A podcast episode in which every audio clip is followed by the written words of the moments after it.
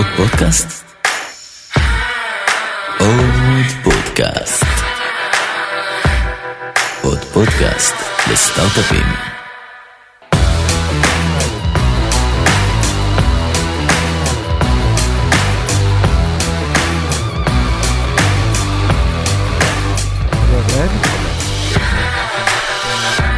מתחילים כל כן. פרק ב... בקז'ואל נורא. יוני, מעניינים. מעולה. כיף שאתה פה. נמצא איתנו כאן יוני אסיה, מייסד ומנכ"ל איטורו. יוני, נעים מאוד. נעים מאוד, נעים מאוד. אתה רוצה לספר קצת למאזינים אה, על מה זה איטורו, למי שלא מכיר? בכיף. אה, איטורו היום היא רשת ההשקעות החברתית הגדולה בעולם. יש לנו 12 מיליון משתמשים רשומים מ-100 מדינות, שיכולים אה, אה, לקנות ולהשקיע במניות, במטבעות דיגיטליים כמו ביטקוין, במטבעות, בסחורות, באינדקסים, ברשת חברתית, ככה שכולם בעצם רואים מה כולם עושים. ואז הלקוחות יכולים להעתיק את הלקוחות הכי טובים ברשת. אז אם אתה רואה משקיע שעשה 25% תשואה כל שנה בשלוש שנים האחרונות, אתה בא ואומר, אני שם עליו אלף דולר, זה מעתיק את כל הפורטפוליו שלו לאלף דולר שלך, אוטומטית. אוטומטית, וכל פעם שהוא סוחר, זה עושה את אותה פעולה באותו זמן, באותו מחיר, באותו פרופורציה, על האלף דולר שלך. אז אם הוא עושה שוב פעם 25% תשואה, זה יהיה לך 1,250 דולר שנה יפה. אחרי. יפה, אז בואו נעשה קצת overview על החברה. אתם פה, אתם פה לא מאתמול, מתי הוקמתם, כמה כסף גייסתם, קצת מספרים, מה שאתה יכול לחלוק. אנחנו סטארט-אפ בוגר. אה, הקמנו את החברה ב-2007, אני ואחי הגדול, אה, שמנהל את כל המוצר והפיתוח באיתורו, אה, ובעצם התחלנו לעבוד על זה כזה בסביבות 2005-2006. אני מגיע מרקע של אה, גם מסחר, אני נורא אוהב את שוק ההון, מאוהב בעולם הזה של שוק ההון ומסחר, אה, ומרקע טכנולוגי, ורונן מגיע מרקע של מוצר, והוא תמיד היה מסתלבט עליי שיש לי תחביב של רואה חשבון, שאני יושב מול מלא מסכים אה, וסוחר בבורסה, והוא היה אומר, תשמע, זה נשמע שזה נורא מעניין ונורא מרגש, ואני מסתכל על ה-user interface וזה זה גיהנום. והרעיון היה איך אנחנו מפשטים את העולם הזה, איך מהמם. אנחנו מייצרים פלטפורמה שבאמת מקלה על הנגישות אה, לשוק ההון, לשווקים הגלובליים, והתחלנו לעבוד סביב התפיסה הזאת, שרונן מגיע באמת מרקע מוצרי, הוא היה מעצב מוצר, אגב, כשהיינו ילדים קטנים ביסודי, אני, הוא היה מצייר, הוא היה אומן, והייתי לוקח את התמונות שלו שהוא מצייר, מצלם אותם בזירוקס ומוכר אותם בבית ספר. אז, אז אני תמיד אומר שכאילו... אתה אומר, השילוב הזה נועד להיות. כן, אני, ת- אני תמיד רגיל למכור כאילו את מה ש... את מה שהוא מצייר. בדיוק. יפה, זה סיפור טוב. כן. אז, רגע, אז רגע, אני רוצה לחזור, נראה לי, אנחנו יכולים לבחור לקחת פה כמה כיוונים, גם דיברנו על זה קצת טומי ואני לפני הפודקאסט. יש גם את, ה, יש גם את העולמות של שוק הפינטק ו- ושוק ההון אולי בכלל ולאן הוא הולך. יש את הסיפור שלך, גם ברמה האישית, נראה לי, גם ברמה המקצועית, ובטח ובטח על איך זה להקים חברה, שנה וקצת אה, טרום, אה, חברת פינטק, טרום המשבר הכלכלי. אז דווקא נראה לי, ש, נראה לי שנתחיל מהסיפור שלך, ואז נדבר קצת על מגמות בשוק. אם נוכל לחזור לימים הראשונים ותסביר קצת מה, איך, איך הגעתם לרעיון הזה, אוקיי, שכרת בשוק ההון, ראיתם שיש פה הזדמנות, איך, אה, איך מתחילים בכלל? קודם כל, אה, זה משהו שגם אני אומר להרבה יזמים, הדרך הכי טובה להתחיל זה לדבר על הרעיון עם כמה שיותר אנשים ולקבל פידבק, ולהבין שהפידבק של כל אחד זה, זה פידבק של עוד בן אדם, זאת אומרת, חשוב להקשיב, לשמוע, אבל קצת לא להתייאש מ... זה לא רעיון טוב. אה, אבל התחלנו, אה, קודם כל, ממש ייצרנו MVP, אה, ייצרנו פלטפורמה שבעצם אה, עושה הנגשה או משחקיזציה, זה נשמע יותר טוב באנגלית, אה, ל, ל, לעולם של מסחר, ואז התחלנו להראות אותה. תוך כדי זה שהראינו אותה למשקיעים, אה, אז זה ממש עיצב לאט לאט את, את מה ש, שאנחנו עושים. אה, זה הפך את זה למשהו יותר מקצועי, יותר השקעתי ופחות משחקי. אה, גייסנו 1.7 מיליון דולר בעיקר מאנג'לים, אה, בתור אה, סיבוב סיד, סדר גודל. אה, עבדנו אגב אז עם אה, בנק השקעות קטן שנקרא אה, דקלו בן יהודה, אה, שהכיר אותנו להרבה מהאנג'לים שהשקיעו בסיבוב הראשון, זה היה בעצם סיבוב רק של האנג'לים. אה, גיא גמזו בעצם הוביל את הסיבוב, אה, היה איתו תהליך מאוד עמוק של חשיבה על המוצר, חשיבה על מי הקהל לקוחות, איך זה ייראה. אה, היה- פגשנו לדעתי בין 40 ל-50 אנג'לים, מה שאומר ששלושת רבעי כמובן אמרו לא, והסבירו גם למה הם אומרים לא. אה, אני זוכר אגב את אחד הדברים שהיה מאוד חד, הסבירו לי אז שאי אפשר להקים גוף פיננסי בינלאומי מישראל. זאת אומרת, אגב, אז המילה פינטק לא הייתה קיימת. כן, אה, פשוט גוף פיננסי בינלאומי, חברת פיננסים. שאי אפשר להקים בית השקעות בינלאומי מישראל. זה כמו, ש... לי, זה כמו שהיום יש סייבר, ולפני 10-20 שנה זה היה security. אין, לא היה, לא, זה לא היה מילה, כאילו. Hmm. היא לא הייתה קיימת בעולם. כן. אבל זה, זה, זה, זה אג- אגב אותו דבר בלוקצ'יין, גם מילה שלא הייתה קיימת, כן, שנדבר עליה אחר כך. נכון. אבל פינטק זה, הסיבה שאני כל כך מכיר את המצאת המילה הזאת, זה כי ניהלנו המון דיונים ב board ובהנהלה, אם אנחנו חברת finance או חברת טכנולוגי.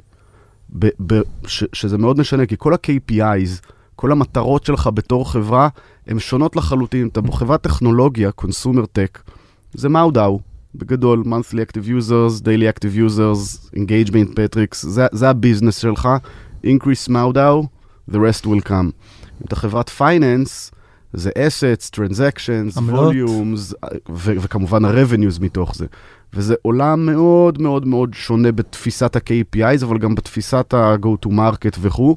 היה לנו המון דיונים על זה, עד שצף פתאום הדבר הזה פינטק, אגב, באזור כאילו חמש שנים אחרי שהקמנו את החברה, כן, חמש שנים של ויכוחים, ואז מישהו בא ואמר, אתם חברת פינטק, ואז כזה, אה, מזל. כל הדיונים בבורד, אפשר כן, לפזר את הבורד. אז, אתה, תיארת פה מצב, אה, בסוף תיארת את ה... אני רוצה אה, לצלול ל- לימים הראשונים, בסדר? בסוף באת ואמרת, היה לנו איזה MVP. ואז הלכנו, איזה בנק השקעות שהגענו אליו, ולא סיפרת איך. חיבר, התחיל לחבר אותנו לאנג'לים. עכשיו, רוב הזמן, מה, איך יודעים, א', איך יודעים מה לבנות ב-MVP? מה זה ה-minimum valuable product? מה זה הפיצ'ר הבסיסי הזה שעשיתם מההתחלה, ולמה דווקא בחרתם אותו? ואחרי זה הייתי שמח גם להתייחס קצת לסיבוב גיוס עצמו. אז קודם, קודם כל, אני חושב שמההתחלה היה לנו מאוד חד מה אנחנו רוצים לעשות, והדבר הזה לא השתנה בצורה מאוד מאוד מהותית עד היום. אה, כמובן שתשאל כל מיני אנשים בדרך, זה ייראה להם כמו שינויים משמעותיים, אבל בסופו של דבר, אנחנו רוצים לפשט את העולם הפיננסי. אנחנו רוצים שיותר אנשים ייגשו לעולם הפיננסי ו- ול- ולייצר פלטפורמה שמאפשרת את ההנגשה הזאת, את הפתיחה של השווקים הגלובליים, כאילו ה-vision statement שלנו זה to open the global markets for everyone to trade and invest in a simple and transparent way. ב- אגב, בשנתיים שלוש הראשונות זה היה fun. אה, אה, הבנו ש... אה, לא, אמר, ממש הייתה את המילה fun. איזה באסה זה. להוריד את המילה fun מה vision שלך ככל שאתה מתקדם. אה, אגב, קצת, קצת, אבל הבנו שיש דיסוננס בין כאילו to have fun, אה, איפה לשים את הכסף שלך. כן, אוקיי. אה, כאילו זה- ברמה הרגשית אתה לא פוגש את ה user במקום הנכון. אתה מקטין את היכולת אה, של ה user, מה שנקרא... להסתכל עליך כמותג אמין. כמשהו רציני, כן. וזה באמת אחד השינויים שעשינו אחרי שנתיים שלוש, אבל בהתחלה ממש היה ברור לנו שאנחנו רוצים לעשות gamification לעולם הזה, להפוך את העולם הזה ליותר נגיש אה, דרך זה שנהפוך אותו למשהו שהוא יותר fun, שהוא יותר engaging. יש היום מחקר שאומר שאנשים מעדיפים ללכת לרופא שיניים מאשר לבנק, אה, אז, אז זה ממש המקום שרצינו לגעת בו. מתוך זה המקום הראשון שנגענו בו היה בעצם ממש לעשות ויזואליזציה, גם כתבנו על זה פטנט, ייצרנו כל מיני כאלה מיני משחקים שנראים כמו משחק, כמו משיכה בחבל, כמו מרוץ בין אנשים, כמו מפת עולם, שכל פעם שאתה לוחץ על כפתור, ברקע זה עושה פעולת מסחר. אה, אז זה ממש, זה היה ה-MVP, וה-MVP היה ממש דיבר על אה, משחקיזציה של העולם הפיננסי, אה, וניסינו להסביר, אנחנו רוצים לקחת את העולם הזה של האינטרנט, של. אז דיברו על עשרות מיליוני משתמשים, היום כבר מדברים על מיליארדים, אה, ו- ולהפוך אותו, ולהפוך את העולם הזה לנגיש יותר, כדי שיותר אנשים יוכלו לגשת אלינו. זה היה אגב ממש client server, תוכנה כאילו, חתיכות מהקוד הזה עדיין נמצאים באוויר לדעתי, אה, שכתבנו, לקחנו אשכרה server שישב אצלי בבית מחובר לאינטרנט, כן, פרי ימי ה cloud, אה, והיינו מגיעים למצגות והלפטופ היה מתחבר ל server בבית שלי. והיינו מראים את הפלטפורמה לאנשים. אה, הכל כזה, אתה יודע, מאוד מאוד MVP, כן? לא משהו כן. שקרוב למשהו שיכול לעלות לאוויר, אבל זה היה גם תקו- תקופה אחרת. זה היה ממש, תחשוב, אתה מרים server בבית, ברזלים בבית, מחבר אותם לאינטרנט, ואז אתה מציג עם לפטופ שמתחבר אליך הביתה. AWS הביתה. אה, והגיוס, מה קרה שם? אמרת, פגשתם 50 אנג'לים דרך איזה family office, קצת כאילו, תספר איך זה התנהל, איך בכלל, מתי הבנתם שאתם רוצים לצאת לגייס? זה היה כמעט מההתחלה? זה, זה היה די מההתחלה, זאת אומרת, אה, אה, אז, אז קודם כל, אני, אני מאוד אה, בר מזל, אה, שאבא שלי גם הגיע מהתחום. אה, אז אבא שלי הוא המייסד והמקים אה, של מג'יק, שזה אחת חברות ההייטק הראשונות בארץ, והמייסד ומנכ"ל של משוב, שזה היה משקיע בהרבה מאוד סטארט-אפים, אז הוא מאוד מאוד מכיר את עולם ההייטק. אז בשבילנו בבית, ההבנה הזאת ש... אחד הדברים הראשונים שאתה עושה כשאתה מקים עסק זה מגייס כסף, ואיך מגייסים כסף, ואיך נראה term sheet, זה כאילו שיחת אה, ארוחת ערב בבית, אז, אז זה מאוד הקל ועזר שאת העולם הזה אז אה, יכלנו להכיר. אז היה מאוד ברור שהדבר הראשון שעושים כשמקימים עסק זה... זה כמעט כדי להבין product market fit, זאת אומרת, הדבר הכי חשוב שאתה מקים את העסק, אה, או מקים את הסטארט-אפ בסופו של דבר, זה ה product market fit בשנים הראשונות. ה-investor business fit או ה-investor startup fit זה, זה שלב אחד לפני. זאת אומרת, אתה צריך ללכת לפגוש מספיק אנשים ולספר על הרעיון שלך, או להציג את הרעיון, בין אם זה בפרזנטציה, בין אם זה ב-MVP, כדי לקבל את הפידבק הזה ולעשות את הטוויקינג האלה, כדי להבין מה פונדבל, מה מעניין אנשים. אה, וזה היה תהליך, זה היה תהליך של אה, שנה. בדרך כלל, אגב, גם אני, כתוצאה מהתהליך שלי, אגב, שוב, דברים משתנים, עברו 12 ומשהו שנה, אה, אבל אני תמיד אומר שמהרגע של הרעיון עד הרגע של גיוס הכסף, זה, בדר... זה תהליך של שנה וצריך להכין את עצמך לתהליך הזה. שינינו את השם של החברה לדעתי פעמיים בתוך התהליך הזה. אה, הרבה מאיך שהמוצר נראה, אה, הרבה מהשפה שלנו אה, התעצבה בתוך התהליך הזה, אה, ופגשנו הרבה מאוד אנשים מאוד חכמים, אה, ש, שחלקם השקיעו בחברה וחלקם הסבירו לנו למה, שוב, זה לא הגיוני. זה לא יעבוד בחיים. זה לא יעבוד. אגב, וזה היה די רפטטיבי, אני אתן דוגמה שוב, המון, כל מי שפגשנו מעולם הבנקאות, אז הלכנו ופגשנו גם את האנשים מעולמות ההייטק וגם את האנשים מעולמות הבנקאות, אנשים מ-UBS אה, ודויטשה בנק וכאלה, אנשים שעובדים בתוך העולם הזה, גם טסנו ללונדון ולשוויץ אה, לפגוש אנשים. והאמירה הזאת של אי אפשר להקים גוף פיננסי גלובלי מישראל, כל הזמן חזרה על עצמה. זאת אומרת, ברמה שאמרו לי, משהו שהוא גם לא כזה חריג.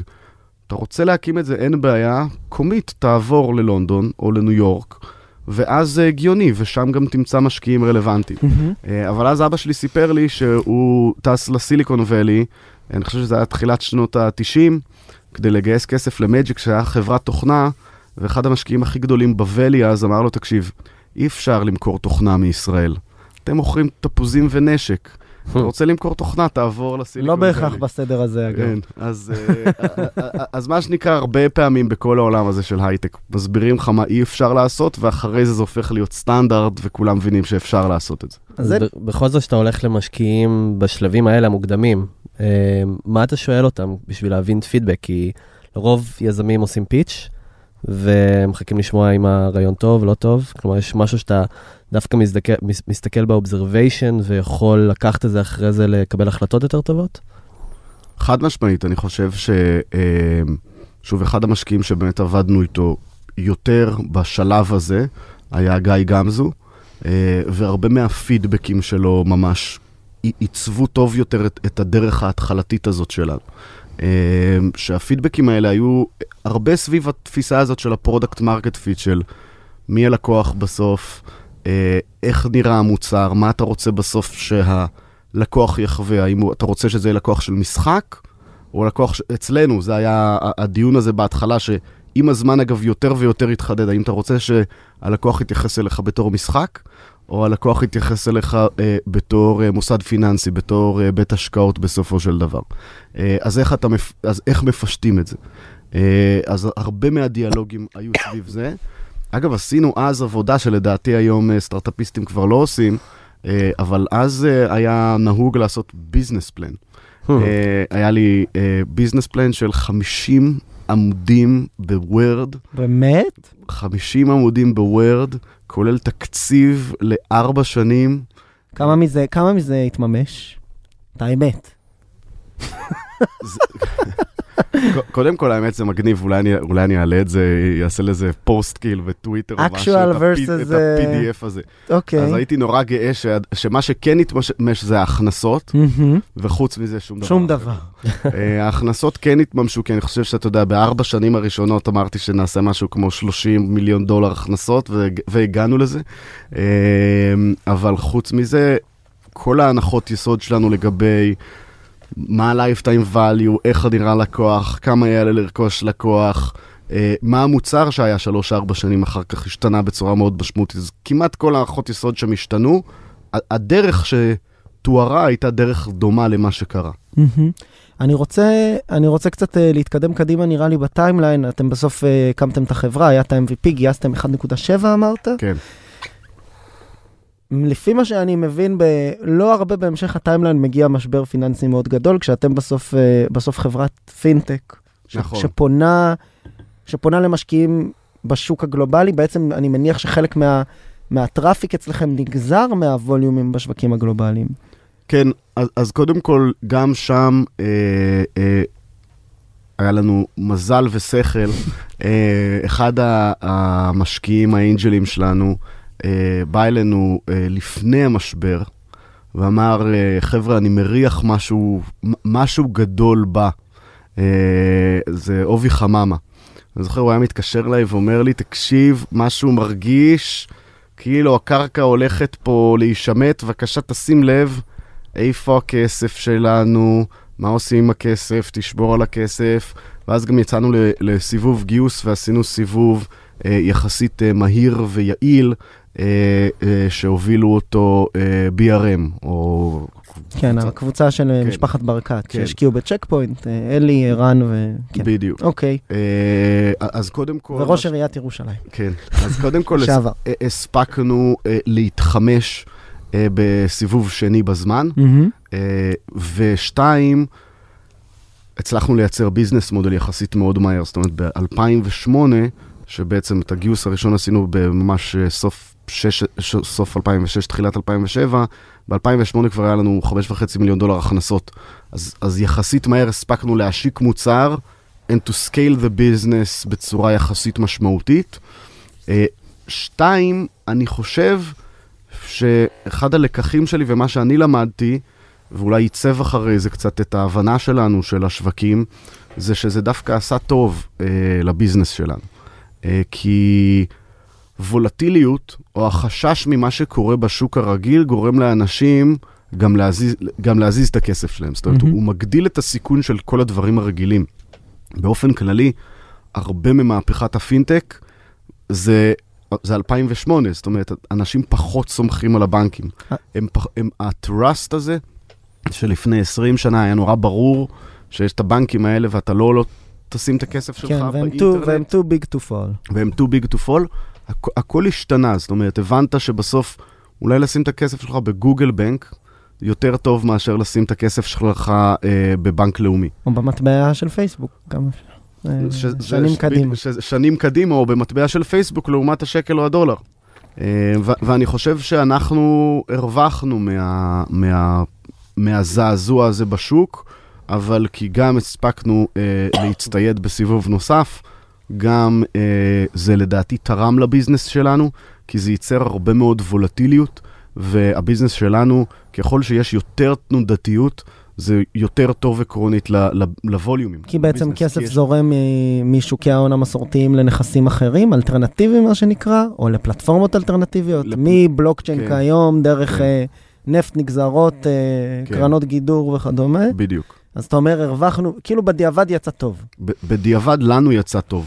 אני חושב שזה מוביל קצת אה, לשאלה שרצינו לכסות בהתחלה, של, של כאילו מה ה vision פה, או לאן, זה, או לאן זה הולך מבחינתכם. כי בסופו של דבר, שוק ברור. הפיננסים, היה לנו גם שיחה לטומי ולי מאוד ארוכה ב- בחוף המערבי עם דובי, עם דובי פרנסס, שהוא משקיע פינטק אה, מוכר, הוא אמר, על- תשמעו, על פופים. זה- על, על פופים ישבנו, והוא אמר, תשמע, קודם כל זה השוק הכי... זה השוק שמניע את העולם, מאחוריו... אה, הוא אני, כל שוק אחר הוא נגזרת של שוק הפיננסים. ודבר שני, הוא חווה טלטלות עצומות.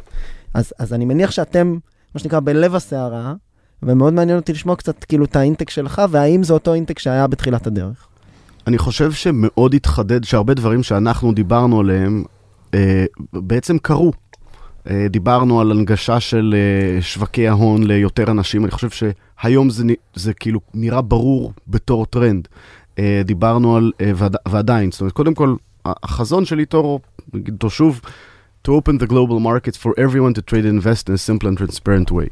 זאת אומרת, אנחנו מאמינים, אם היום אתה הולך ומסתכל, בדיוק הוצאנו סקר כזה של מבתי ההשקעות הגדולים בגרמניה, בתי ההשקעות האונליין אגב, כן? brokerages, retail brokerages בגרמניה, איטליה, ספרד, צרפת, אוסטרליה, ארה"ב, ממש יש לי 10 regions באיתור, כל אחד מהם הוצאנו כאילו ממש אה, מחקר.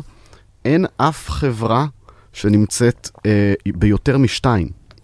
זאת אומרת, אם אני מראה לך עכשיו את ה, אה, כל הברוקרים בגרמניה, אין את, ה, את הפייסבוק של הרשתות החברתיות בכל העולם, מה שנקרא, שגם זה לא נכון לפייסבוק כבר, אבל בסדר. עולם הפיננסי הוא עולם הייפר-לוקאלי. זאת אומרת, כל עולם הפיננסי, אם תחשוב מי החברות הכי גדולות בארץ, חמש חברות הביטוח, חמשת הבנקים. איך אתה מסביר את זה? קודם כל, עניין של trust? זה- זה עניין של טראסט, זה עניין של... אה, רוב הסיכויים שחשבון הבנק שלך זה החשבון בנק שההורים שלך פתחו לך אה, שהיית בן 16. כשהייתי חייל. אה, או שהיית חייל. חד משמעית. באמת, כשרציתי לעבור בנק, אבא שלי התקשר אליי, אתה לא עובר בנק.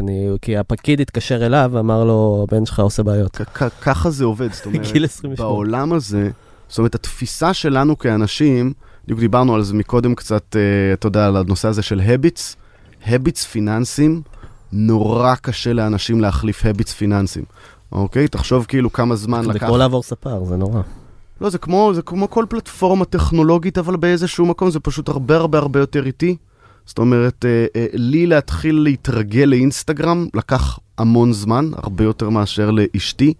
אה, כמו שלהורים שלי לקח יותר זמן להתרגל לזה ש... אה, לפייסבוק, כן? אה, ב- בעולם הפיננסי, ההר... הקניית ההרגלים היא מאוד מאוד איטית. אבל למה? כי אנחנו, בכל מה שקשור לכסף שלנו, אנחנו מניחים אנחנו שיש נורא- פה עניין, אני נו. כל פעם חוזר לטראסט, מה זה, זה פסיכולוגי? זה חוזר קצת למה שדיברנו, ללמה פינטק זה הדבר הכי גדול בעולם בסופו של דבר. אה, ואני חושב שאנחנו ממש בתחילת הדרך בפינטק, ובגלל זה גם, אתה יודע, זורקים כמויות כסף מטורפות היום על העולם הזה. אה, וזה אני חושב באמת הפוטנציאל. אז, אז קודם כל בוא, בוא נחשוב למה קל להסתכל על הפוטנציאל. אתה מסתכל על כל שוק, ואתה אומר, מה הבנקים הכי גדולים פה, אה, בתי ההשקעות הכי גדולים פה, חברות הביטוח הכי גדולות פה, סוכם את זה, אתה אומר, וואו, זה חלק ענק מסך השוק. ואתה מסתכל גלובלית ואתה אומר, איזה מוזר, אין, אין חברות גלובליות שהן באמת תופסות איזשהו נתח מתוך השוק הזה ברמה הגלובלית, ברמת הצרכן הסופי אגב. ברמת institutional דווקא יש ח- הר- הרבה חברות כאלה גלובליות, ברמת הצרכן הסופי לא, כולם... חוץ מאשראי אולי, היית אומר? מה, ויזה ומאסטרקארד. כן. ויזה, ו... כן, ותראה את השווי שלהם. כן, בסדר. שתיהם במעל 100 מיליארד דולר. בסדר, אני רק אומר, אז... כן, כן, לא, לא, חד, אני אומר, אוקיי. לאט- לאט לאט רואים יותר מקומות כאלה דרך כל מיני ניצנים, אבל בסוף באמת, אם אני אשאל אותך מי החברות הפיננסיות הגדולות בארץ, אתה תיתן לי שם של חברות ישראליות. נכון, כאילו... תש- מ- תשאל כן. גרמני, אני אשאל אותו, הוא ייתן את אותו דבר, שם של חברות גרמניות. הוא-. אגב, ה top of mind שלו לא יהיה ויזה ומאסטרקארד, זה כנראה יהיה insurance companies. גם אצלנו, אני. חושב שאשראי זה, מסתכלים על זה כסוג של commodity שהיא כזה, כאילו, כן. רע הכרחי כזה. שזה אגב מאוד מעניין, ויזה ומאסטרקארד הם לא גופים פיננסיים. אה, דה פקטו נכון. דה- פקטו הם לא, אה, הכסף לא עובר דרכם אף פעם, שזה נורא מעניין, כשלמדתי קצת את העולם הזה, אתה מבין שזה ממש חברות טכנולוגיה, זה, זה רשת, זה נטוורק, זה רשת שמחברת בין בנקים, מהמם. ו- ו- ואין לה רישיון פיננסי גם. אה, ו- ושים לב, זה בדיוק ההבדל. עכשיו, התהליך הזה, ל- למה הוא כל כך קשה? כי, ואחרי זה נדבר קצת על קריפטו ועל בלוקצ'יין ועל כסף, זה כי רוב האנשים לא מבינים בדיוק מה זה כסף. כאילו, אנשים חושבים שהכסף שלך בבנק זאת אומרת, נשאלת שאלה מאוד עמוקה ללמה כשאתה מעביר מיליון אה, שקל לבנק, למה אתה סומך על זה שזה יחזור אליך? ו- וזה זה, זה, זה, זה שאלה, אה, זה שאלה אמיתית. נהיה פה כבד בחדר.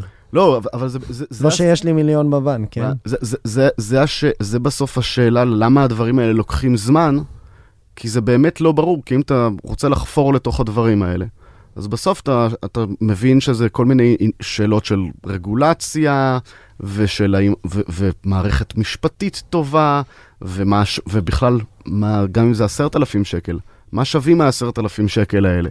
מה השווי שלהם? מה יהיה השווי שלהם עוד מהמם. חמש שנים? זה באמת עולמות נורא מורכבים, כי זה הכל המצאות שלנו, כמו בסגנון יובל נוח הררי, כן? זה כאילו, הכל הרי...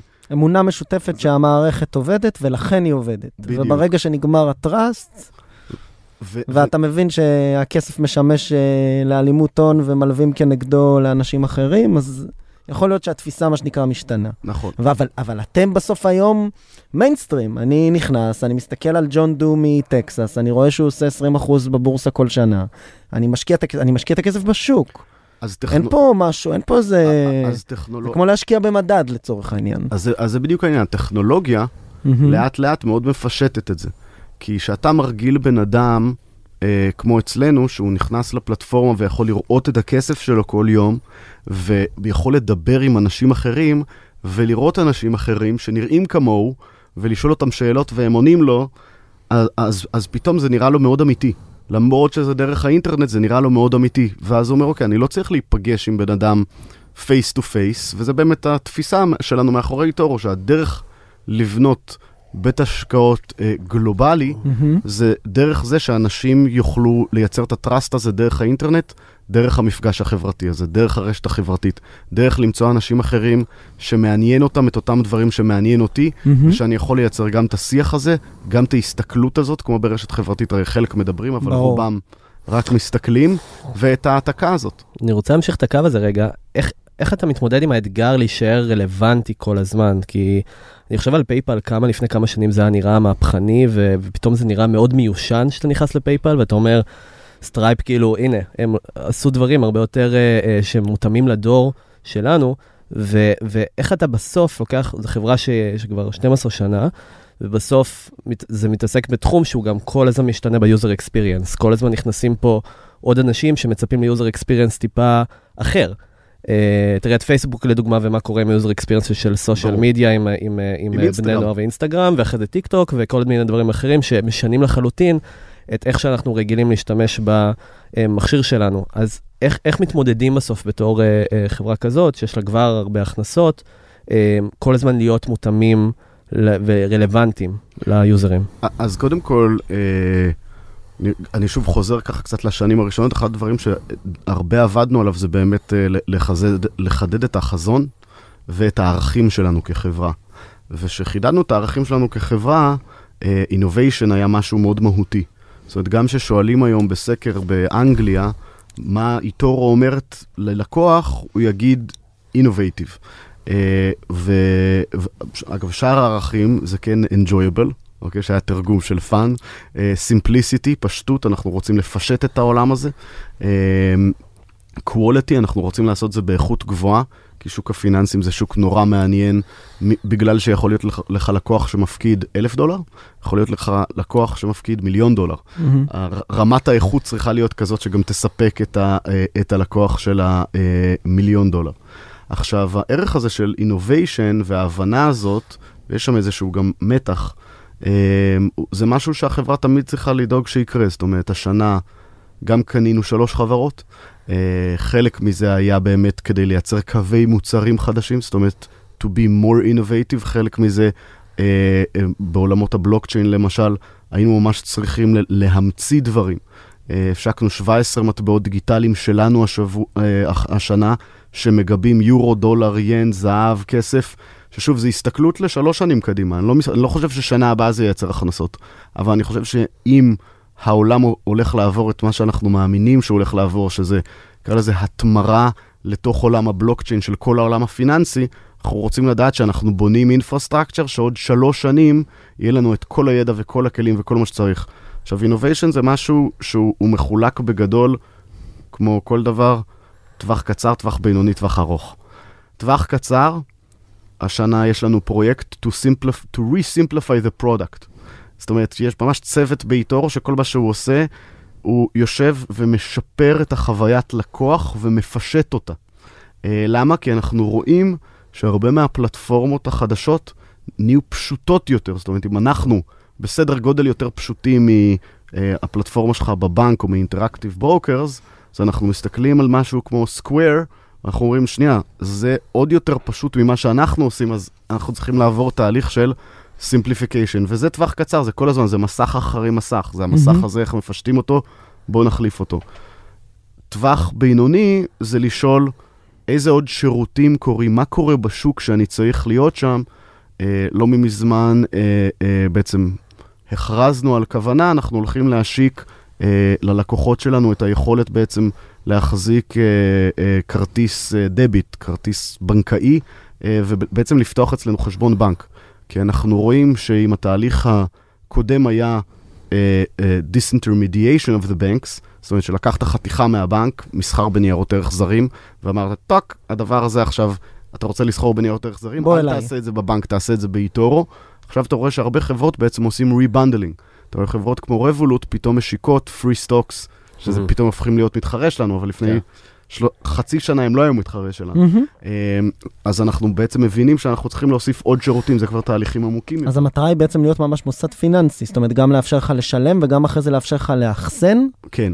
ל- אוקיי. להחזיק את הכסף שלך באיתור ולנהל את אוקיי. ההשקעות שלך. ולייצר גם אה, הלוואות כנגדו, כי זה כבר ממש בבנק. אני מאמין שנגיע לתחום ההלוואות, מהמם. כנראה מתוך אה, שותפויות עם חברות פינטק אחרות. זאת אומרת. חד משמעית, אנחנו בסוף רוצים להחליף לך את המוסד הפיננסי המקומי שלך, עם שוב, עם דגש מאוד משמעותי על עולם ההשקעות. אנחנו מהמם. מאמינים שרוב הכסף של אנשים צריך להיות בתוך עולם ההשקעות, ושלקחת את הכסף מעולם ההשקעות שלך לתוך הצריכה היומיומית שלך, זה צריך להיות משהו מאוד פשוט ומאוד קל. אני נעול עוד על מה שאמרת לטומי מקודם, בלוקצ'יין? על המילה התמרה. אני גם. לא הבנתי. סליחה שאני אומר. של הבלוקצ'יין בשלוש שנים. כן, התמר- התמרה של עולם הנכסים הריאלי. בתעשיית הבלוקצ'יין בתוך מספר שנים. בוא נרדד את זה לעברית. זה היה בעברית מאוד צחה, אני חייב להגיד. כן, זה כאילו, ממש- זה- צחה מדי. היה לי קשה למצוא את המילה הזאת בראש. באופן כללי, אנחנו בעולם הקריפטו אה, אה, ממש ממש מההתחלה. אני תמיד אומר, יש... אה, אה, מור אמר לי שיש ארבע דברים אה, ששינו את חיי. אז אם היא אמרה, אז אה, הבנתי. להכיר את מור, אוקיי. אה, אה, אשתי והם ילדיי. פעם ראשונה ששכרתי בבורסה, ולהבין מה זה שוק ההון, ואני נורא מתחבר למה שאמרת מקודם, דובי. כאילו, ברגע שפעם התחלתי לסחור בניות באיזה גיל 13-14, אמרתי, יואו, איזה מטורף, אני כאילו קונה משהו פה מהבית, ואני רואה את זה בבלוטר של נסדק, וזה כאילו משפיע על השוק ומעלה מחיר מניה. זה כאילו תחושה כזה של הכל מחובר. ל- ל- ל- להיות ב-BBSים באינטרנט, זאת אומרת, פעם ראשונה שאתה מכיר את האינטרנט ופתאום אתה קולט שאתה מעביר מידע עם אנשים ומוריד אה, פרקים של סימפסונס לשם הצנזורה. אה, ו... ו- ופעם שלישית היה הפעם הראשונה שהתחלתי... הסדרה המורדת ביותר מה, אה, כן. באינטרנט. ופעם שלי... זה היה אגב טקסטים, טקסטים של סימפסונס, זה- עדיין יש לי את כל הטקסטים של כל הפרקים של סימפסונס. וואו, אוקיי. והדבר השלישי היה באמת ש- שזזתי ביטקוין פעם ראשונה, שאני חושב שזה היה 2011. אהה. עכשיו, אני יזם פינטק אה, כבר 4-5 שנים, עברתי את ה-Global Financial Crisis, שאגב, המסקנה הכי מובהקת, אם אתה בתוך עולם הפיננסים ואתה חווה את המשבר הפיננסי, אתה אומר, וואו, קודם כל שום דבר לא מחובר, הכל כאילו, באמת, העולם, העולם הפיננסי ב back-end שלו זה עולם שבור לגמרי בתור טכנולוג, אתה כאילו מגיע לשם ואתה אומר, וואו, אני לא מאמין, זה כאילו גמדים, איך זה מתנהל ככה? גמדים שמזיזים ספרים. אוקיי. אמ, ואז, ואז אתה רואה גם את המשבר, ואתה רואה שזה זה, זה נורא פרג'ייל. ו, ושהעברות כספים בינלאומיות לוקחות של, של, שלושה ימים, ואתה כאילו מחכה לכסף, ואתה כאילו באמצע הדרך, אתה כאילו... הכסף הולך, זה שתי חשבונות שלי, ואני לא יודע אם הכסף הולך להגיע. אני צריך להתקשר אליהם כל הזמן, להבין איך הכסף עובר. כמובן שהדברים השתפרו קצת מאז וכו', אבל כן, זה לוקח יומיים. די, מכה. די, מכה. קיצרנו ביום. אמ, ואז אתה פתאום אה, לוקח את הדבר הזה, את קריפטו, ואתה מעביר ביטקוין ממקום למקום אה, עם חב- חברות בעצם ש, שלא הכרתי אף פעם, ואני מעביר ביטקוין פתאום לתוך איזה ארנק ומזיז אותו לארנק אחר. עכשיו, בדיוק כל מה שדיברנו עליו בעולם הפינטק, כאילו משתנה, למה? כי ב... אני לא אעביר כסף לאיזשהו מוסד פיננסי מהחשבון של eToro, שאני לא יודע מי זה החשב... המוסד הפיננסי הזה, מי עומד מאחוריו, אה, האם, אני, האם אני אוכל למשוך את הכסף, אבל אז פתאום עם ביטקוין, אתה כאילו מבין שהשליטה אצלך. אתה כאילו מעביר את הכסף אה, ממקום למקום, הוא עובר מיידית, אתה לא מפחד שלאיפה הוא יהיה, יש לך traceability מלא לכסף הזה, ואתה, אש, ואתה באמת מחזיק את הכסף הזה ושולט בו. אה, וזה היה אהה moment מטורף עוד ב-2011. אוקיי. הבנו אבל, ש... אבל אני שנייה מקשה בתור מי שקצת מבין, זה לא שה infrastructure, זאת אומרת, ה infrastructure, הוא אתה עדיין, אה, מה שנקרא, הוא חיצוני לך. יכול להיות שהוא יותר reliable, או אולי יותר שקוף, שזה גם נראה לי נתון לוו- לוויכוח עם אה, ש- כמות יש הפריצות פיצ'רים- שהולכות שם. יש שני אוקיי. פיצ'רים שלטעמי הם killer features, אבל אוקיי. יכול להיות שזה... אז על זה אני רוצה, רוצה לשבת, כדי שאנשים יבינו בול. למה הכוונה, כי מעולה. הרי גם בבנק אה, killer יש features, infrastructure. שזה killer. features שלדעתי אמ, אנשים, יכול להיות שהם הם אנשי פינטק או finance geeks הרבה יותר כאילו relate to them, אבל uh, הפיצ'ר הראשון זה שזה עובד 24/7 ב semi real time, וזה תמיד exchangeable. ו- וזה נורא חשוב, זאת אומרת, זה, זה, זה כל הזמן עובד, זו מערכת שעובדת, אה, ואין מישהו שיכול לכבות אותה, לסגור אותה. אה, ו, והחלק השני שמתחבר לזה, זה שני פיצ'רים שכאילו הם מאוד בהלימה. לפתוח ארנק ביטקוין, זה משהו שכל בן אדם בעולם יכול לעשות, מהמם. ואתה מחזיק את הכסף שלך בעצמך.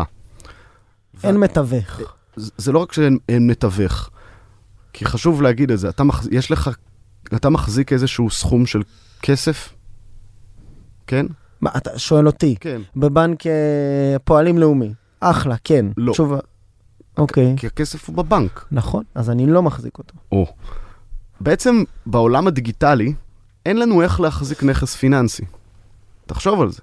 זאת אומרת, בעולם הפיזי, אתה רוצה להחזיק כסף בעצמך, קאש. קאש, נכון? אתה רוצה להחזיק מטיל זהב, תחזיק מטיל זהב. בעולם הפיננסי, יש לי חבר עם מטיל זהב. אה, אין לך, אין, לך איך, לה- אין לך איך להחזיק נכס פיננסי דיגיטלי בעצמך. הדרך היחידה שלך להחזיק נכס זה לבקש ממוסד פיננסי לשמור אותו עבורך. להחזיק אותו עבורך, שאתה מאמין לו שהוא מחזיק אותו עבורך. שזה. לא בהכרח אה, טריוויאלי. זה בהכרח, זה בהכרח לא המצב. זה בהכרח לא המצב. כי משתמשים בכסף הזה. בהכרח הוא המצב שעל כל שקל הם מלווים איקס החוצה. זה זה בהכרח- כאילו, טוב, זה כבר תפיסות... אה, לא, אבל כן. זה בדיוק המורכבות של העולם, זה, זה Mhm. בהכרח לא המצב. נכון. אתה צריך לחשוב שזה בהכרח המצב, וזה הדרך היחידה גם שאתה יכול להחזיק כסף. זאת אומרת, זה עולם כן. הכסף היום ככה הדיגיטלי. אחרת הכל, כן. שזה אוקיי. מטורף. זה- זה ה moment. אין לך איך להחזיק כסף, נכס פיננסי בעצמך דיגיטלי. דיגיטלי. אוקיי. ו- וזה... המ- וקריפטו מאפשר את זה. וזה המהפכה לדעתי הכי גדולה בעולם הפיננסי שקורית ותקרה בעשר שנים הקרובות או עשרים שנה הקרובות, זה בעצם הדיגיטציה של העולם הפיננסי. זה שכל הנכסים וההגדרה של הנכסים הופכים למשהו שהוא דיגיטלי, ודיגיטלי אומר שהוא ניתן להעברה 24/7 בכל רגע נתון, ושאתה יכול להב... להחזיק אותו בעצמך, או להזיז אותו ממקום למקום, ואי אפשר להגיד לך לא. עכשיו, ברור שיש פה עניין של רגולציה, ומי יכול להגיד לו, ואיך אומרים לו, ואיך הדבר הזה כן. יקרה. זאת אומרת, יש פה הרבה מורכבויות, אבל אני חושב ש... זה בסוף ממש המילה שטומי אוהב, זה דמוקרטיזציה של אה, עולם הפיננסים. חד משמעית. ואתה אומר זה בכלל לא קשור, אה, זה קשור קצת, אבל כל הסיפור שמספרים על בלוקצ'יין והיכולת to tokenize דברים וכולי, זה פחות הסיפור. לא, לא, לא, זה, אני חושב שמה שסיפרתי עכשיו, הוא, הוא מסביר למה ביטקוין הוא משהו מאוד מעניין, מהמם. אבל בסופו של דבר, כשאתה מסתכל, סך הנכסים בעולם, ה-140 טריליון דולר, מה שאני אומר, אנחנו הולכים לראות ב-20 שנה הקרובות, כל ה-140 טריליון דולר האלו עוברים tokenization, עוברים לתוך הבלוקצ'יין בצורה כזאת או אחרת. מה יאפשר את זה אבל? כי זה לא זה לא דבר כל כך אה, פשוט. אה, זו שאלה מאוד טובה של איך התהליך הזה יקרה. זאת אומרת, אין לי ספק, אני כאילו, אחד המקומות שנורא התאהבתי עוד יותר בשוק ההון היה הדוט קום באבל כזה, 98, 99, שהיה את הפרנזי. משברים וכל- עושים לך טוב. על- זה כן. אגב לא, זה היה פרי משבר. אה, פשוט בדרך כלל לפני משבר יש אה, אה, תקופה, rally תקופת גדול. הייפ. ר- rally עושה בדרך כלל מאוד טוב, כמו עכשיו. כי הוא מחנך אנשים, הוא מסביר אנשים, הוא מביא עוד אנשים לתוך השוק. כרגע יש rally מטורף בשוק הסטארט-אפים, אוקיי? גם בשוק ההון. VCs והייטק עכשיו הרי בפריחה נכון. אז עוד ועוד ועוד אנשים נכנסים, זה דבר טוב. אה, עכשיו, ב dot com bubble, זה היה מאוד מאוד ברור שהאינטרנט הולך לקרות. אני זוכר כאילו, שאתה מסתכל בתור מישהו שאז גדל לתוך האינטרנט, ואתה מדבר עם אנשים בוגרים יותר, מבוגרים יותר, היום זה אני, כן? אה, ש- ו- והם מסבירים לך, תשמע, כלכלה זה כלכלה. זה, זה אין eyeballs, וזה לא משנה traffic ו-view through, בסוף הכל יר- ירד ל dollars and cents, וכל הדבר הזה יקרוס. מהמם. עכשיו, הם צדקו והם צדקו, האינטרנט קרה. אין, האינטרנט היום משפיע על החיים שלנו, אין, אין כזה דבר שאתה לא מחובר לאינטרנט, שלא עובר דרך ב- באינטרנט. גם אם אתה מדבר ב, בטלפון שלך, זה בסוף עובר על ה-IP, אוקיי? אבל שימו לב לשתי עולמות מאוד מאוד שונים. גוגל, פייסבוק מאוד ברור, חברות גלובליות, חברות ענקיות, ברוב המקומות לא תשתמש ב-search engine מקומי או ב-social network. נכון. מקומי. Uh, לעומת זאת, uh, החברות הסלולריות בארץ, הם, הם לא, uh, זה עדיין סלקום uh, ופלאפון, מהמם. נכון? זה החברות המ- המקומיות. אוקיי. עכשיו, אם חושבים על זה, כל תעבורת הסלולר בסוף גם עברה ל-IP, נכון? נכון. לאותה טכנולוגיה ש, שמזיזה את האינטרנט.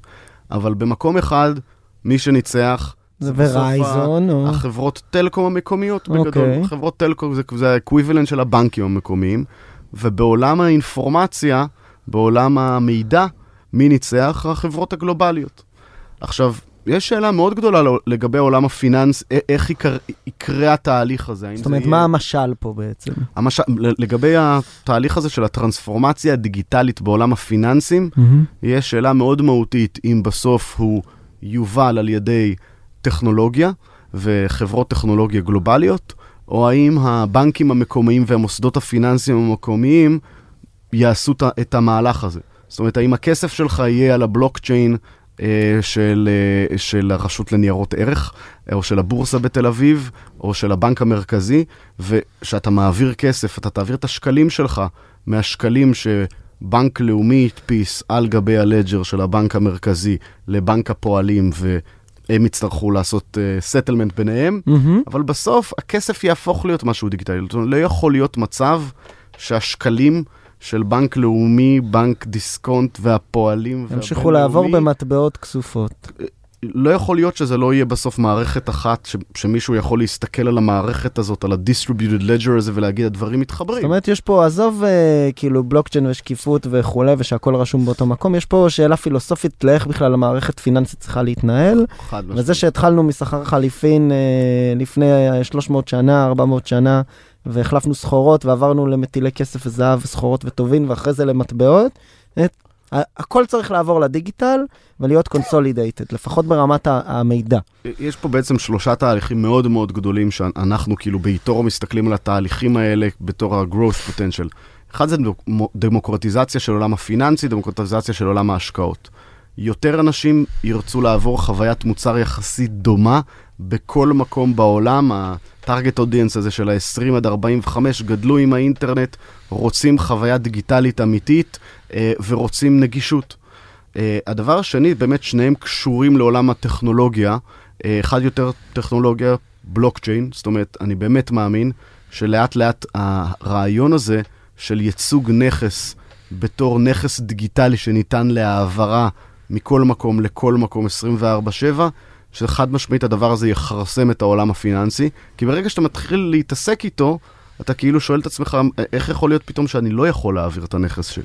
עכשיו, זה, זה תהליך של בין 10 ל-20 שנה מהמם. שיקרה, ש, שבסוף יעביר המון המון המון המון כסף מצד לצד, ויש תהליך אחר שהוא תהליך גיאופוליטי, שזה, ל, ל, ל, לתהליך השני אני קורא tokenization, לתהליך השלישי זה crypto asset as a generational asset class. אני כרגע מופתע לרעה עוד מ- מהמחיר של קריפטו. למה? כי אני, אני נורא מבין למה צריך ביטקוין בתור הגנה אה, של, של אנחנו האנשים. גידור. זה גידור מפני ממשלות אה, ומשברים פיננסיים. ב- בסופו של דבר, כל סוג של כסף שאתה מסתכל עליו, בין אם זה דולר, יורו, טוב, יורו זה ממש חדש, אבל pound, בהגדרה הערך שלהם יורד לאורך השנים. בהגדרה של מה זה כסף, יש אינפלציה, אה, יש target של אינפלציה, בנק מרכזי יש לו מטרה לשחוק את הכסף שלך, וזה כתוב בשחור על גבי לבן בתור המנדט שלו. אז אתה מחזיק, הנכס הכי בטוח בעיני העולם הפיננסי ברמה העקרונית, נקרא מזומן, כן? או, או riskless uh, uh, asset, ה- הריסק שלו, מה זה riskless? הוא מאוד ברור, אינפלציה. הוא נשחק כל שנה בבין אחוז ל-4 אחוז, תלוי באיזה פיאט. סטטיסטית, האורך חיים של מטבע כמו השקל הוא 30 שנה, של, של כל מטבע. זאת אומרת, אם אתה מחזיק עכשיו כל מטבע, לא משנה איפה אתה, באיזה מדינה אתה, סטטיסטית, עוד 30 שנה זה אפס. אם אתה לא משקיע אותו בשוק. אם אתה מחזיק אותו בתור מזומן, כן. ריסק, בבלטות, מה שנקרא. ריסק פרי אסט בעולם הפיננסים, תוך 30 שנה מגיע לאפס. כמובן שזה שילוב של ארגנטינה וברזיל וונצואלה וארצות הברית, אז כמובן כן. שארצות הברית כנראה יותר בטוח ומטבעות מוונצואלה. אירופאים ש- שנעלמו. ש- ש- שנעלמו. אוקיי. עכשיו אתה מסתכל על הנכס הזה ואתה אומר, הכל עשה, עבר קונסולידציה לאיירו. יש תהליך, אה, יש, הדבר שנחשב בעולם הפיננסים לנכס חסר סיכון, יש לו אינפלציה פנימית, שאם היית מסתכל על כל מדינה, זאת אומרת ברמה העסקית, אתה בעל עסק, ואני אומר לך, תסתכל על המדינה ואיך היא מנהלת את העסק הזה. מבחינת גירעון, תקציב, רווח, הפסד וזה, היית אומר, וואי, שורט מטורף, תוציא את כל הכסף, לא, לא רק תוציא את כל הכסף, תה- תהמר נגד הדבר הזה בכל הכסף שיכול להיות לך. כאילו, מדפיסים כסף, הגירעון אף פעם לא נסגר, יכולת גביית הכסף נשחקת לאורך זמן, ואז אתה אומר, שנייה, מה זה הביטקוין הזה? זה, זה הגנה, אם יותר אנשים יאמינו שהדבר הזה עולה לאורך זמן, וכמובן, השנה הוא גם כבר עלה בפי שתיים, שלא לדבר על החמש שנים האחרונות, אז אם הדבר הזה לאט לאט נתפס אצל יותר אנשים, והאנשים שזה נתפס אצלם עם הזמן, יותר קרדבילים. הופכים להיות יותר עשירים, ורוצים לקנות עוד מהנכס הזה, אז הביקוש לנכס הזה- יעלה. מהצד השני יש לך את העולם של ההיצע. יש את ה-having הרי, כאילו סך הכל יהיו רק 21 מיליון ביטקוינס בעולם. אה, אין מצב שיהיה כאילו בהגדרה של מה זה ביטקוין, זה המגבלה הזאת של ה-21 מיליון, שכרגע מודפסים בקצב X ועוד במאי הולכים לרדת ל-X חלקי 2 מ- מקצב הקריאה. אני פה מתחיל לחפור על קריפטו, אז אני עוד מבטיח לכם, אתם מתחילים להסתכל עליהם לא, מוזר. אני- ממש עוד מעט אפסיק, אבל בסוף אני שואל שאלה נורא פשוטה. כמה אנשים בעולם ירצו שיהיה להם לפחות ביטקוין אחד? כן, בסדר, יש פה, בסדר, אנחנו צריכים לצלול קצת לתוך ביטקוין כדי גם להסביר שגם להחזיק אה, חתיכה מביטקוין זה בסדר, כן, ובסוף ברור. הוא עדיין, הערך הריאלי שלו נגזר היום מפיאט, ו... אבל מבחינה, כן. מבחינה באמת של טכנולוגיה, ועכשיו שומעים אותנו יזמים מהמם. בתחילת דרכם, וחלק בדיוק. שאולי נכנסים לכל, ה, לכל התחום הזה של אה, בלוקצ'יין, גם מבחינת אמצעי הטכנולוגיה וגם מבחינת, ה, אה, מבחינת הבעיות שקשורות ל, לעולמות הפיננסיים. מה היית, מה היית מעריך באמת ש, שידחוף את השוק הזה להגיע למה שאתה אומר, תוך שלוש שנים או תוך עשר שנים, אנחנו נראה פה מהפכה אמיתית, לא Buzzword, אלא מהפכה באמת באמת אמיתית. כאילו, היית רואה שזה יגיע מאותם סטארט-אפים שמחנכים את השוק, או שהיית אומר שזה יהיה אותו top down מאותם באמת אה, מוסדות שפשוט יאמצו את זה, או שזה both בסוף? אני, אני חושב שזה both. אני חושב שהמהפכה של השימושיות כן תגיע מסטארט-אפים, זאת אומרת שאנחנו עוד לא יודעים מה שאנחנו לא יודעים, אבל שהמהפכה של השימושיות כנראה תגיע אה, מסטארט-אפים. בעולם של מה יעביר את רוב הנכסים בעולם, את ה-140 טריליון דולר, זה, זה בסוף אה, איך הגופים הפיננסיים היותר טרדישיונל ישתמשו, ישתמשו בדבר הזה אה, ויטמיעו אותו, איך בנקים מרכזיים יטמיעו אותו. אה, זאת אומרת, זה, זה באמת שאלות מאוד מהותיות, שאגב מזכירות שאלות לפני אה, 25 שנה. כן. אתה שואל על האינטרנט, היו אנשים שיגידו לך שהאינטרנט יהיה מצונזר. נכון. אה, זה זה הנחת יש יסוד. כאלה שאומרים שהוא כן, עם הדארק ווב. ההנחת יסוד היום הוא שהעולם הפיננסי הוא עולם מצונזר. זאת אומרת שלא יכול להיות שבן אדם מכל מדינה בעולם יוכל לגשת לנכס או מכל מדינה, אתה יודע, בכל מקום מהמם, אחר מהמם. בעולם. נכון. זה, זה, זה הנחת יסוד כרגע. אה, זאת אומרת, אם אתה משווה את העולם הפיננסי לעולם האינטרנט, זה כאילו כל query שאתה עושה, אתה עושה את ה-query, ואז אה, אתה צריך אה, לגשת לבנק שלך ולהגיד, שלום, אה, ביקשתי query בגוגל, אתם יכולים בבקשה להחזיר לי את ה- מה, מה, מה יצא מה-query הזה? כן, והם מחליטים מה אתה רואה גם. עכשיו שוב, בגלל שעולם הכסף כל כך מעניין וכל כך גדול, ובמקרו בסוף הוא באמת מזיז את כל העולם, כאילו, מה, מה זה הכנסות? מה זה הכנסות של חברה? הכנסות של חברה נרשמות בדולרים. ברור. דולרים זה כסף, אז כסף מזיז את כל העולם. אם כל הדבר הזה משתנה, אם כל הדבר הזה משנה את המשמעות שלו, של איך הוא זז ממקום למקום, באיזה קצב הוא זז ממקום למקום, מי מזיז אותו ממקום למקום, כן? יכול להיות AI שמתחילים להזיז כסף, סטארט-אפים שכל הביזנס שלהם זה כאילו אופטימיזציה של איך מעבירים כסף ב micro payments ממקום למקום. אז יש המון המון המון אפשרויות, ממש כמו האינטרנט לפני 25 שנה.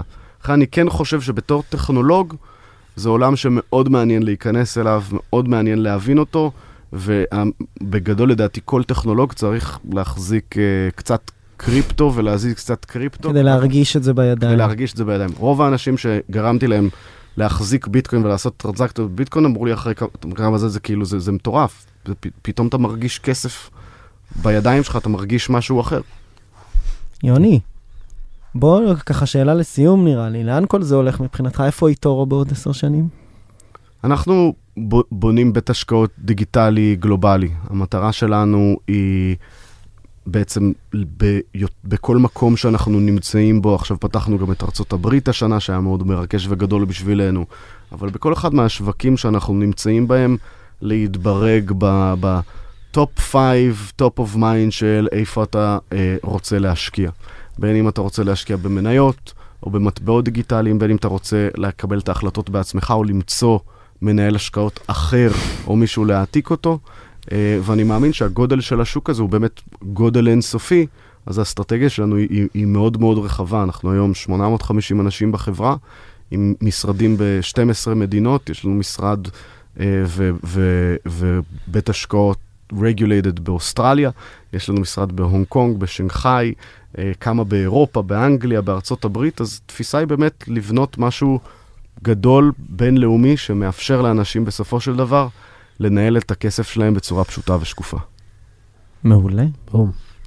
באמת בום. תודה רבה, יוני. תודה, יוני. בום, תודה.